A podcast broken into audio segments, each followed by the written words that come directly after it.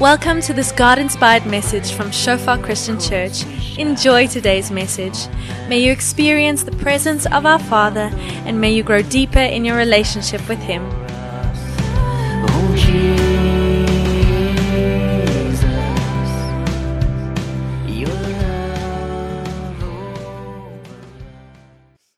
Ons is besig met ehm um, 126 Jesus.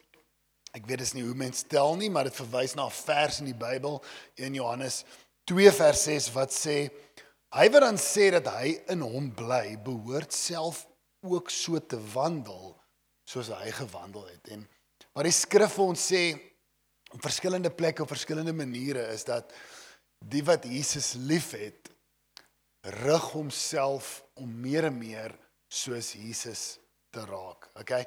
Nou, dit is so dat ons slat potholes, ons kry breakdowns. Jesus het nie daai goed gehad nie, maar soos ons aangaan deur ons op en af, is daar die vermoë vir ons om te sien hoe die Heilige Gees ons meer en meer en meer en meer soos Jesus maak. En wat ons doen in hierdie kort reeks is ons kyk na 'n paar goed wat Jesus gedoen en gesê het en ons wil ons gemeente rig om meer soos Jesus te wees deur te kyk na die skrif en dan dit baie prakties toe te pas. Nou ek sê sommer klaar, ek announce sommer 'n extension van hierdie reeks want ek gaan volgende week sommer aangaan met deel 4 op dieselfde skrifgedeelte so van vandag is so half amper deel 1 van my porsie van skrif kry gerus ook um, wat uh, Brown en Renier opgepreek het die vorige 2 weke op die internet as jy wil. Nou dis 'n baie interessante stuk wat ek vanoggend vir ons wil lees. Ek het ek kan in 'n paar sy paadjies afgaan met hierdie skrif en ek het gesê ek gaan kyk na die tyd en ek gaan kyk na die gehoor en besluit wat ek op die tafel sit vir oggend in hierdie stuk. Ek gaan uitkom by twee gedagtes vir oggend wat Jesus vir ons sê wat ons moet aantrek vir onsself geestelik in ons lewens wat hy op hom gehad het. So jy gaan vandag hier uitstap met twee goed wat jy regtig kan gaan toepas in jou lewe. Um, ek sal net kyk wat se roetes ek sal volg om daarby uit te kom. Um hierdie gebeur op 'n interessante tyd. Ehm um, wat gebeur is Jesus kom gaan op die berg op saam met drie van sy disippels en dis die oomblik waar Jesus verheerlik word en hulle sien Jesus in al sy mag. Maar soos Jesus afkom van die berg af, sien hy stap hy vanaf daai heilige oomblik af tot in chaos waar die disippels probeer om 'n demone te seentjie uit te dryf en hulle kry dit reg hier. So ons op die berg waar alsoos amazing is en en hulle kom af en hulle word weer getref met die realiteit van van mense en en wat Jesus op daai oomblik doen en wat hy vir sy disippels leer is vir ons baie belangrik want hy het geweet hy gaan weg en hy sou vir ons die gees gee om hom na te volg. En op 'n manier wat daar gebeur onder in die vallei is vir die disippels 'n smaakie van okay Jesus is nie hier nie Wat gaan ons hier doen? Okay, hier's my seun. Hy val in die vuur. Hier's goed met hom gebeur. Hulle probeer die demoon uitdryf. Ons gaan nou lekker saam lees. Hulle kon dit nie reg kry nie. Gelukkig kom Jesus terug. Hy sorteer die situasie uit, maar dan baie belangrik, gaan hy deur 'n reeks van gesprekke met sy disippels om vir hulle te help om te verstaan hoe hulle kan groei sodat as hulle weer in hierdie situasie is en hy's nie daar nie, dat hulle bediening effektief kon wees. En dit is wat ons wil weet. Hoe kan ons meer soos hy wees sodat daar krag in ons geloof kan wees? Waar is die krag van geloof? Is die vraag wat ek vra. Nou gaan vir ons by twee punte vandag uitkom en volgende week sal ons nog twee bysit. Kom ons lees lekker saam. Hierdie is 'n 'n langerige stukkie, maar dis een storie, so ek ek hou jou op een teksgedeelte, Markus 9 vers 14 tot 35. As jy daai nommertjie sien soos die skyfies aangaan, dan is dit als nog in Markus 9. Kom ons lees dit lekker saam en dan kyk ons wat kan ons leer? Wat het Jesus te sê vir ons? Want ons is daai disippels in die vallei. Want Jesus is nie hier nie. Hy's hier deur die Gees. As iets hier gebeur, kom Jesus hier deur die deur ingestap en gesê, "Oké, okay, where is uh hoog uh Gerard of Eugene staan ge op sy. Ek gaan gou hierdie hanteer. Hy doen nie dit nie. Hy gee vir ons die gees. Hy stig ons om die bediening te doen. Dit is baie belangrik vir ons om te kyk wat hy vir ons wil leer hier. Kom ons lees. Vers 14 toe hulle weer by die ander disippels terugkom hulle kom toe van die berg af sien hulle 'n groot klomp mense om hulle en skrifkenners die fariseërs wat met hulle argumenteer. Dit is 'n normale dag by die office Net toe al die baie mense Jesus sien, het hulle hom verras tegemoet gehardloop en begroet. Hy vra die skrifkenners toe: "Waaroor stry julle met my disippels?" Nou hierdie is baie baie um vreemd. Hy vra wie? Hy vra die fariseërs, hy vra die skrifkenners: "Hey, waaroor stry julle met my disippels?" Maar kyk wie antwoord. Nie die disippels nie en nie die skrifkenners nie. Iemand uit die skare. Want in daai tyd het die skrifkenners al geleer jy moet baie versigtig wees as jy Jesus se vrae antwoord of met hom in 'n gesprek betrokke raak. So hulle doen dit wat slim is, hulle bly stil. Die disippels op daai oomblik is bietjie skaam. Hulle wil nie antwoord nie want hulle kon nie die job gedoen kry nie. So iemand uit die skare uit antwoord en sê: "Leermeester, um, ek het my kind na u toe gebring omdat hy 'n bose gees het wat hom stom maak. En elke keer as die gees hom gryp, gooi hy hom teen die grond. Hy kry skuim om sy mond en hy kners op sy tande en hy word stokstyf. Ek het vir u disippels gevra om die gees uit te dryf, maar hulle kon dit nie regkry nie. Jesus sê toe vir hulle: "Julle ongelowige mense, hoe lank moet ek nog by julle wees voordat julle glo? Hoe lank moet ek dit nog uithou met julle? Bring die kind hier." Hulle bring hom toe vir Jesus. Toe die gees Jesus sien, het hy die seun dadelik styptrekkings laat kry en hy het op die grond neergeval en rondgerol met skuim om sy mond. Jesus vra toe vir die pa: "Hoe lank gebeur dit nou al met hom?" Van kleins af was sy antwoord. Die gees het hom al baie keer probeer doodmaak deur hom in die vuur of in die water te laat val. Kry ons tog jammer en help ons as hy kan. As hy kan sê jy, het Jesus hom geantwoord: As 'n mens glo, is alles moontlik. Ek glo, roep die kind se pa dadelik uit: "Help tog, help my tog om nie meer te twyfel nie." In die Engels sê dit: "I believe, but help my unbelief. Help my ek struikel 'n bietjie." Toe sê toe Jesus sien dat daar 'n massa mense aard aangehardloop kom met hy die onrein gees skerp aangespreek. Gees, jy wat hierdie kind stom en doof maak, ek beveel jou, gaan uit hom uit en moet nooit weer terugkom nie. Die gees het toe geskree en die kind ewige styptrekkings laat kry voordat hy uit hom uitgegaan het. Die kind het daar vir dood bly lê sodat baie mense gesê het hy is dood.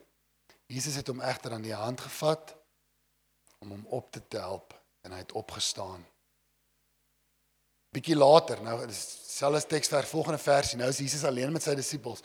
Later toe Jesus in die huis was, het sy disippels hom persoonlik kom vra: "Waarom kon ons nie daardie onrein gees uitdryf nie?" Waarop hy hulle geantwoord het: "Hierdie soort kan net deur gebed uitgedryf word." Hulle het toe daarvandaan vertrek deur Galilea gereis en Jesus wou egter nie rigbaar laat word nie. Dit beteken hy wou nie geweet het Hy wou nie dit bekend maak waar hulle gaan nie. Hy wou 'n bietjie tyd saam met hulle alleen gehad het. Rigbaar. Wanneer laas het jy daai woord gebruik? Al wat ek weet is my rug juk. Jy weet dis die naaste wat ek daaraan kom. Want hy wou tyd hê om sy disippels te onderrig. Hy wou 'n bietjie alleen wees. Sy woorde aan hulle was: "Nou onderrig hy hulle. Die seun van die mens gaan aan die mag van die mense oorgegee word." Dis sy onderrig aan hulle. Dis wat met my gaan gebeur. Hulle sal hom doodmaak maar na 3 dae sal hy opstaan. Hulle het dit nie verstaan nie, maar was te bang om hom daaroor te vra. Sy eerste oomblik van onderrig is hy, dis wat met my gaan gebeur. Die mense gaan my doodmaak, maar ek gaan weer opstaan. Dan gaan hy aan en hy leer hulle. Hy sê hulle toe in Kaper, Kapernaum aangekom in die huis waar hulle se oorbly. Vra hy sy disippels: "Waaroor het julle op die pad geredeneer?" Hulle bly toe stil want hulle het mekaar langs die pad aangevat oor wie die belangrikste is. Daarop gaan sit daarop gaan sit Jesus en roep die 12 na hom toe. Hy leer hulle verder. Toe sê hy vir hulle: As jy die vernaamste wil wees, moet jy egter agter almal inval en almal se dienaar wees. Kyk, groot stukkie skrif.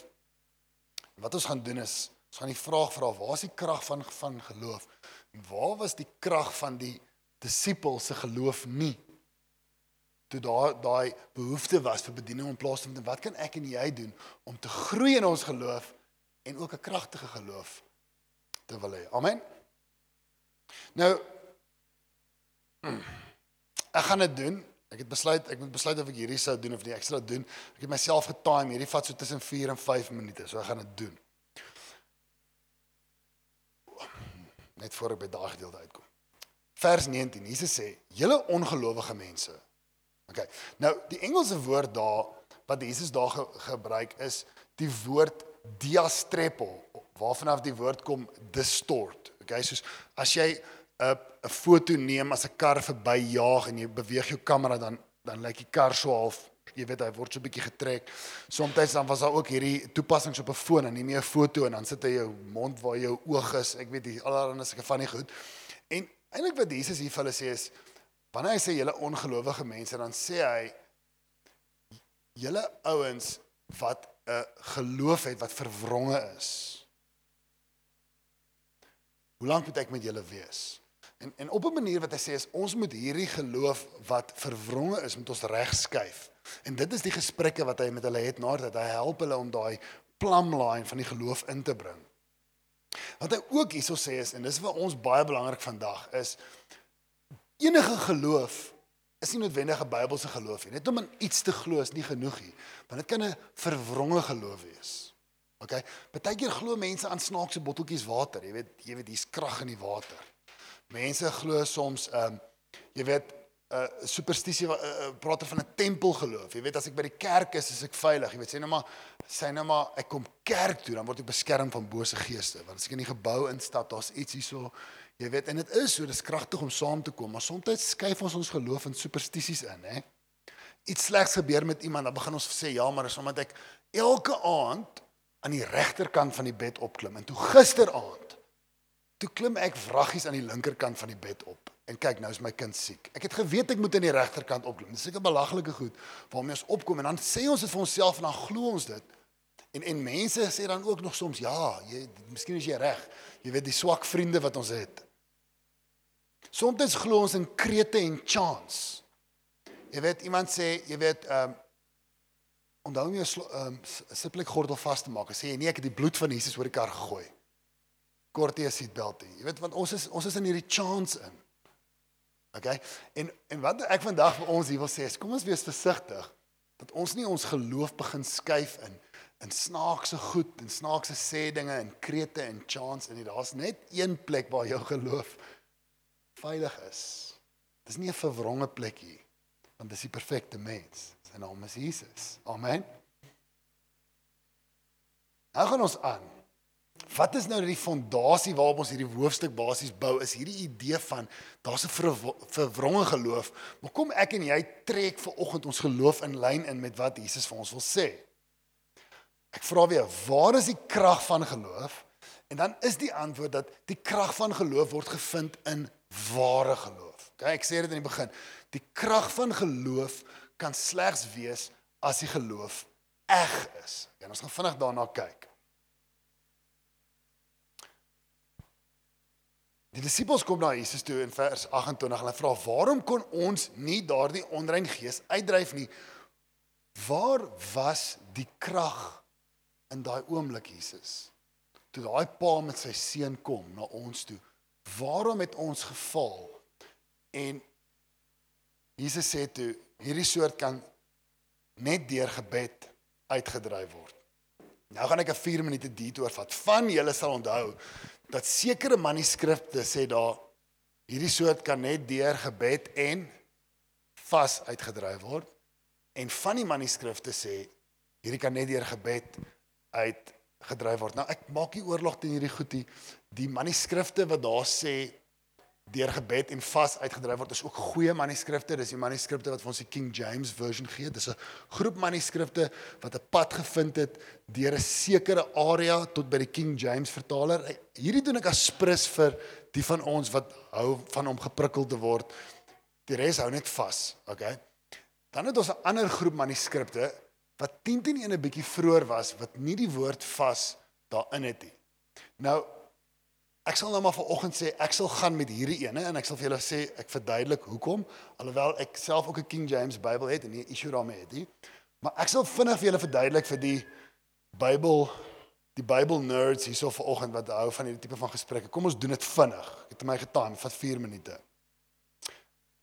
Die eerste rede hoekom die woord vas 10 teen 1 daarin opgeëindig het is in die tyd van die vroeë kerk net na die apostels was vas baie belangrik en vas is Bybels. Ons het gevas 2 weke terug. Ek was in die Kaap, ek het saam gevas was dalk vir my hoogtepunt van my tyd in die Kaap. Ons glo in vas, ons moet vas, ons gaan vas. Amen. Wat in die vroeë kerk gebeur het net na die apostels dood was, is die Romeinse ryk en die Griekse ryk het baie gefokus op groot feeste, groot partytjies met ryk kosse. Dit was 'n groot simbool van status. So wat die Christene gedoen het, is hulle het gesê, kom ons kom hier uit en laat ons vas. Bybels, God se hart. Hulle het so ver gegaan, hulle het kloosters begin, Christen geloof waar Christene onttrek het, gevas het, baie min kos geëet het en God gedien het as 'n teenpool van wat in die stede gebeur. En soos hierdie ouens manuskripte oor en oor gekopie het, het vas die pad daarin gevind want Jesus praat van intimiteit. Wees intiem met my. Bid en vas het daar bygekom. Dit was vir die ouens belangrik. En ons niks fout daarmee nie. Maar die probleem hiermee is as ons na die volgende skyfie toe gaan, is dat Jesus kan nie teen homself praat nie. En toe die toe die Fariseërs en Johannes se disippels vir Jesus gevra het, "Hey, hoekom vas jy ouens?" Toe sê Jesus die volgende. Ons sien dit in 3 evangelies. Jesus sê vir hulle, "Kan julle die bruilofsgaste dan treur solank as die bruidegom by hulle is?" Maar daar sal daar kom wanneer die bruidegom van hulle weggeneem word en dan sal hulle vas. Hy sê sal in Lukas maar daar sal daar kom wanneer die bruidegom van hulle weggeneem word, dan sal hulle vas, maar daar sal daar kom wanneer die bruidegom van hulle weggeneem word en dan sal hulle vas ook in Markus. Sal Jesus kom van die berg af en sê Jesus ouens julle moes gevas het. Boys. Julle moes gevas het. Hy het dan nou net gesê wanneer die bruilof van hulle weggeneem word, dan sal hulle vas. OK. So. Wat ons kan sê hierso op daai punt is dat vas is nie om krag te bekom nie. Vas is om nabyheid aan God te beleef. Vas gaan oor nabyheid. Vas is nie 'n winkel waar ons krag koop nie. Dit is 'n klein bietjie wat begin gebeur het met hierdie vers oor die tyd as dit met iemand moeilik gaan, ja, maar jy het nie gevas nie. As jou kind siek is, ja, maar jy moes 3 dae gevas het, nie 2 dae nie. Maar van die begin af het dit nooit oor die vasse gaan nie. Dit gaan oor nabyheid aan God. So kom ons kyk vinnig hierna.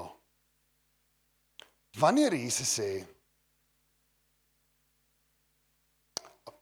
Kom ons beweeg aan van daai punt af. Matteus 17, selfde selfde geleentheid word in Matteus opgeskryf. Kyk wat sê Jesus.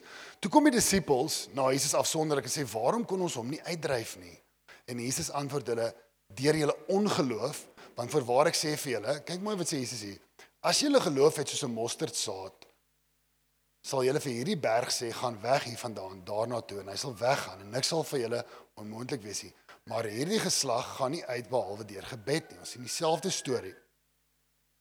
Nou die eerste ding wat ek vanoggend wil sê is die volgende.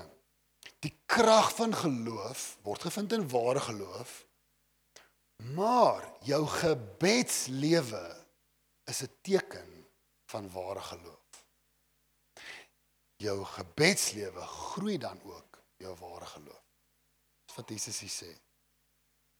Gebed is 'n teken van ware geloof. En soos jy groei in gebed en volhard, groei jou ware geloof. Nou hierdie is baie belangrik. Baie baie belangrik. Want daar's baie verwronge gelowe daar buite wat sê, "Ag, jy weet, gooi net hierdie watertjie op, klim daai kant van die bed op, al hierdie vreemde goed." Maar wat Jesus sê is daar's nie 'n plaasvervanger vir nabyheid aan my bors nie. Dis wat hy sê. Ware geloof praat van nabyheid in gebed.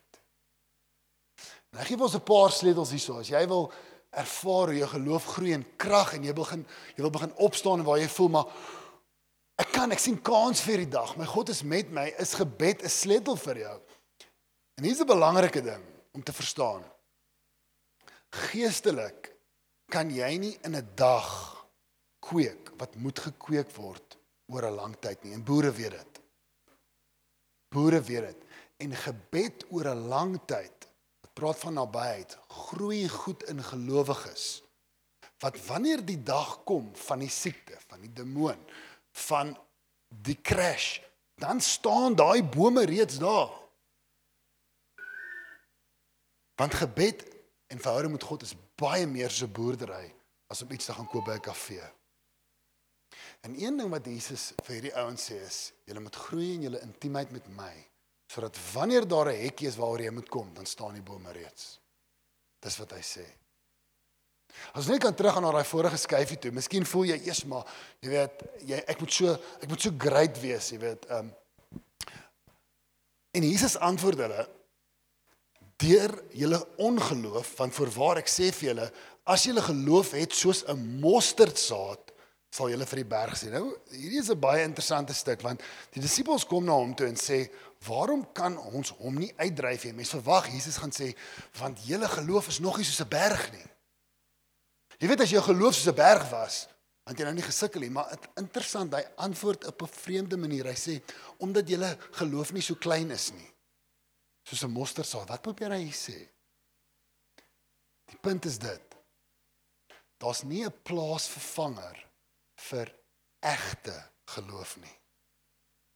Al is hy klein, al is hy jonk, as hy eg is, het hy oomf al is hy so klein soos 'n mosterdsaad. Nou ek wil net jou 'n storie vertel. Um, ek het um, dit vir mense vertel oor die naweek en toe het hulle my nogals gejudge. So ek gaan dit net maar weer doen. Ek is besig om bevry te word van die opinie van mense, maar ek was genooi op 'n blind date op universiteit na 'n dans toe. Okay, dit het gebeur. Want ehm um, ek het nie 'n uh, meisie gehad nie en iemand het 'n date gekort en so die boodskap gekom sal jy opdaag dis daar kan nie eens wat se kos is dit was. Ek dink investeer. Ek sê ja, is reg so. Ek's daar. En ek is op 'n budget en is altyd reg vir 'n grappie. Plus ek het ook hier altyd jy weet 'n gevoel vir die fynere dinge in die lewe nie. So ek het toe nou vir hierdie blind date van my 'n plastiek blom gekoop, net soos ek al by die Neelsie instap. En sy was nie in haar noppies gewees met hierdie is een van daai wat so langs die damme langs die ehm um, visdammetjie staan, jy weet hy's so oranje ding, jy weet jy se ding se naam nie. Maar as jy so afgaan met die blomme ondersteek as 'n stuk draad uit. so dit was nie my beste oomblik gewees nie. Maar ek gedink, jy weet, die ding is volhoubaar. Hy sal nog hou oor jare en alles. En ek dink dit was soos R3 gewees. So dit het my ook gehelp. So ek kom toe nou aan met die fake blom. Nou, as ek daai blom moes neersit in 'n tuin sou hy so hoog staan. Maar as ek een tamatie saad moes plant in die grond, teen die spoed wat tamatie veral in die dorp groei, dan is dit 'n kwessie van 'n maand of 2 en die ware ding groei die plastiek ding verby. OK. En ek dink wat Jesus vir ons sê is moenie geïntimideer word met wat die wêreld vir jou sê jy moet wees beste voetjie voor, jy moet so lyk by die kerk, jy moet so ryk by die kerk, jy moet so loop in die dorp want al daai goed kan eintlik plastiek wees as dit nie eg is nie. En dit wat eg is, sal verby dit groei. Al voel jy so klein soos 'n mosterdsaad en die ding voor jou soos 'n berg, wees jy rustig. Daai ding sal deur daai berg groei, sal hom so opkry. As hy eg is. Hierdie gaan nie uit as daar nie 'n intieme verhouding met my is nie. Weet dit. Jy kan daai woorde van daai pastoor leer kopie, jy kan dit op jou foon 'n foto neem en dit sê, dit gaan nie werk nie. Dit moet eg wees. Dit kan maar klein wees. Maar soek jou hart eg te geloof sal op die ou einde wen. Amen.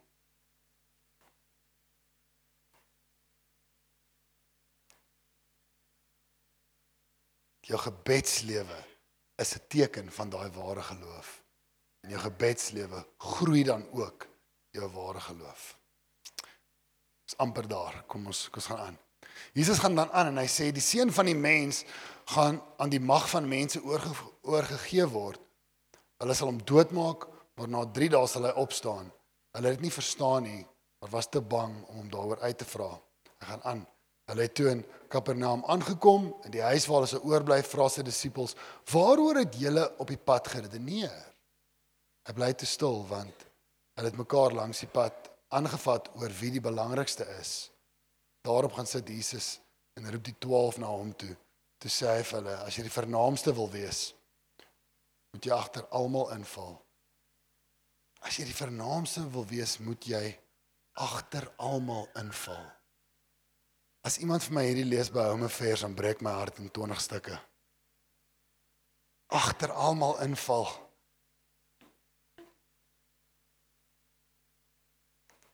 En dieselfde is waar vir ons almal in die lewe. Ons wil nie agterinval nie. Ons wil voorinval. En die disippels wou voorinval. En en en, en wat sou gebeur het as as een as die eerste een gekom het? Daar was 3 disippels op die berg, so daar was nog so 8 of 9 9 onder. Ek weet nie waar Judas op daai oomblik was nie, was hy daar of het hy met iemand gaan chat op langs die pad, mens weet nie. Maar daar was ten minste 8 van hulle daar. En sê nou maar die eerste een het gekom na die seentjie toe. En hy het gesê: "Demoon, uit is jy."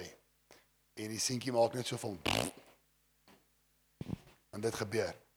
Dan kom die volgende een en hy sê sy woorde. En op 'n kol kom een van hulle en hy sê demoon jy sal gaan en hy en die demone uitgaan. Ek wonder wat sou die gesprek op die pad gewees het. Onthou net julle manne, wie is die belangrikste hier? Ek. Jesus is ook cool, maar buiten hom ek. En so daai demoon sit net daarso tot Jesus kom. Want jy sien daar's net een koning in die huis. Net een. Sy naam is Jesus. En daar's nie plek vir 'n mens om te wil opkom langs Jesus en vir die ander te wys, kyk. Kyk vir my, het jy gesien wat gebeur toe ek met daai demoon praat? Maar niemand kon dit regkry nie. Maar nog steeds stry hulle. En Jesus sê julle verstaan dit nie. Waar's die krag in jou geloof? Daar sal krag kom as jy agterin val. Want dan is jy soos hy homself neergelê het. Soos jy meer soos hy raak, so groei jou autoriteit. Wees naby aan hom en val agterin. Dis iets wat hierdie gemeente reg kry. Ek onder sommer vir Kaal en Germo en almal hier van die worship team want hier kom ongelooflike musikante in. Maar julle weet nie van hulle nie. Na so 4, 5 maande dan kom hulle hier op die stage op want hulle val agterin. Kom leer ons harte. Ons vir jou leer ken.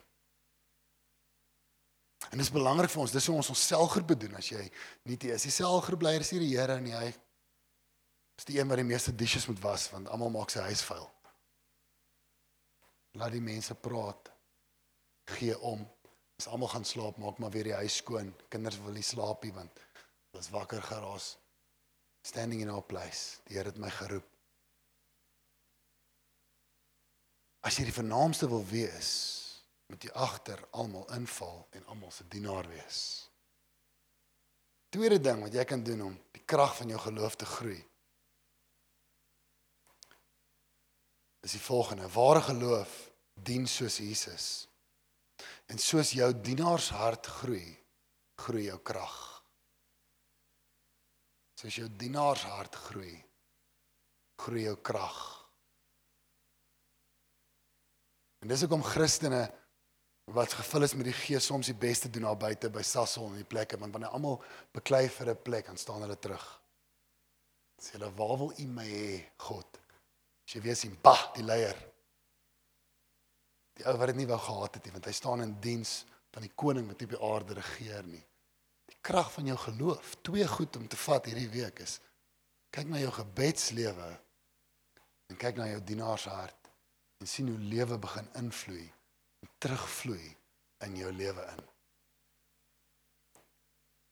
Amen. Ons sal volgende week aangaan hiermee. Maar vir nou kom ons staan op en ons maak hierdie oggend klaar. Die opsomming vir meer krag is nie vas nie. Die opsomming vir meer krag is nabyheid aan Jesus. Die rede vir vas is om hom te ken. Wat gaan gebeur as jy gaan groei in krag?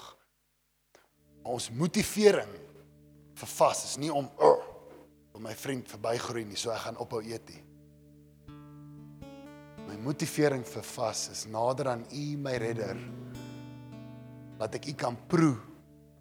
Dat ek op die bors kan huil, kan hoor wat U hart is vir my en vir die mense.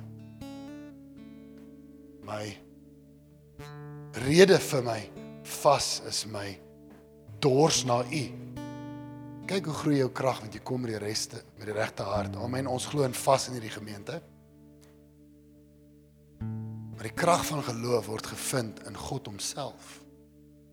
Ons stap tot voor hom in gebed en om Jesus na te volg en dienaars te wees.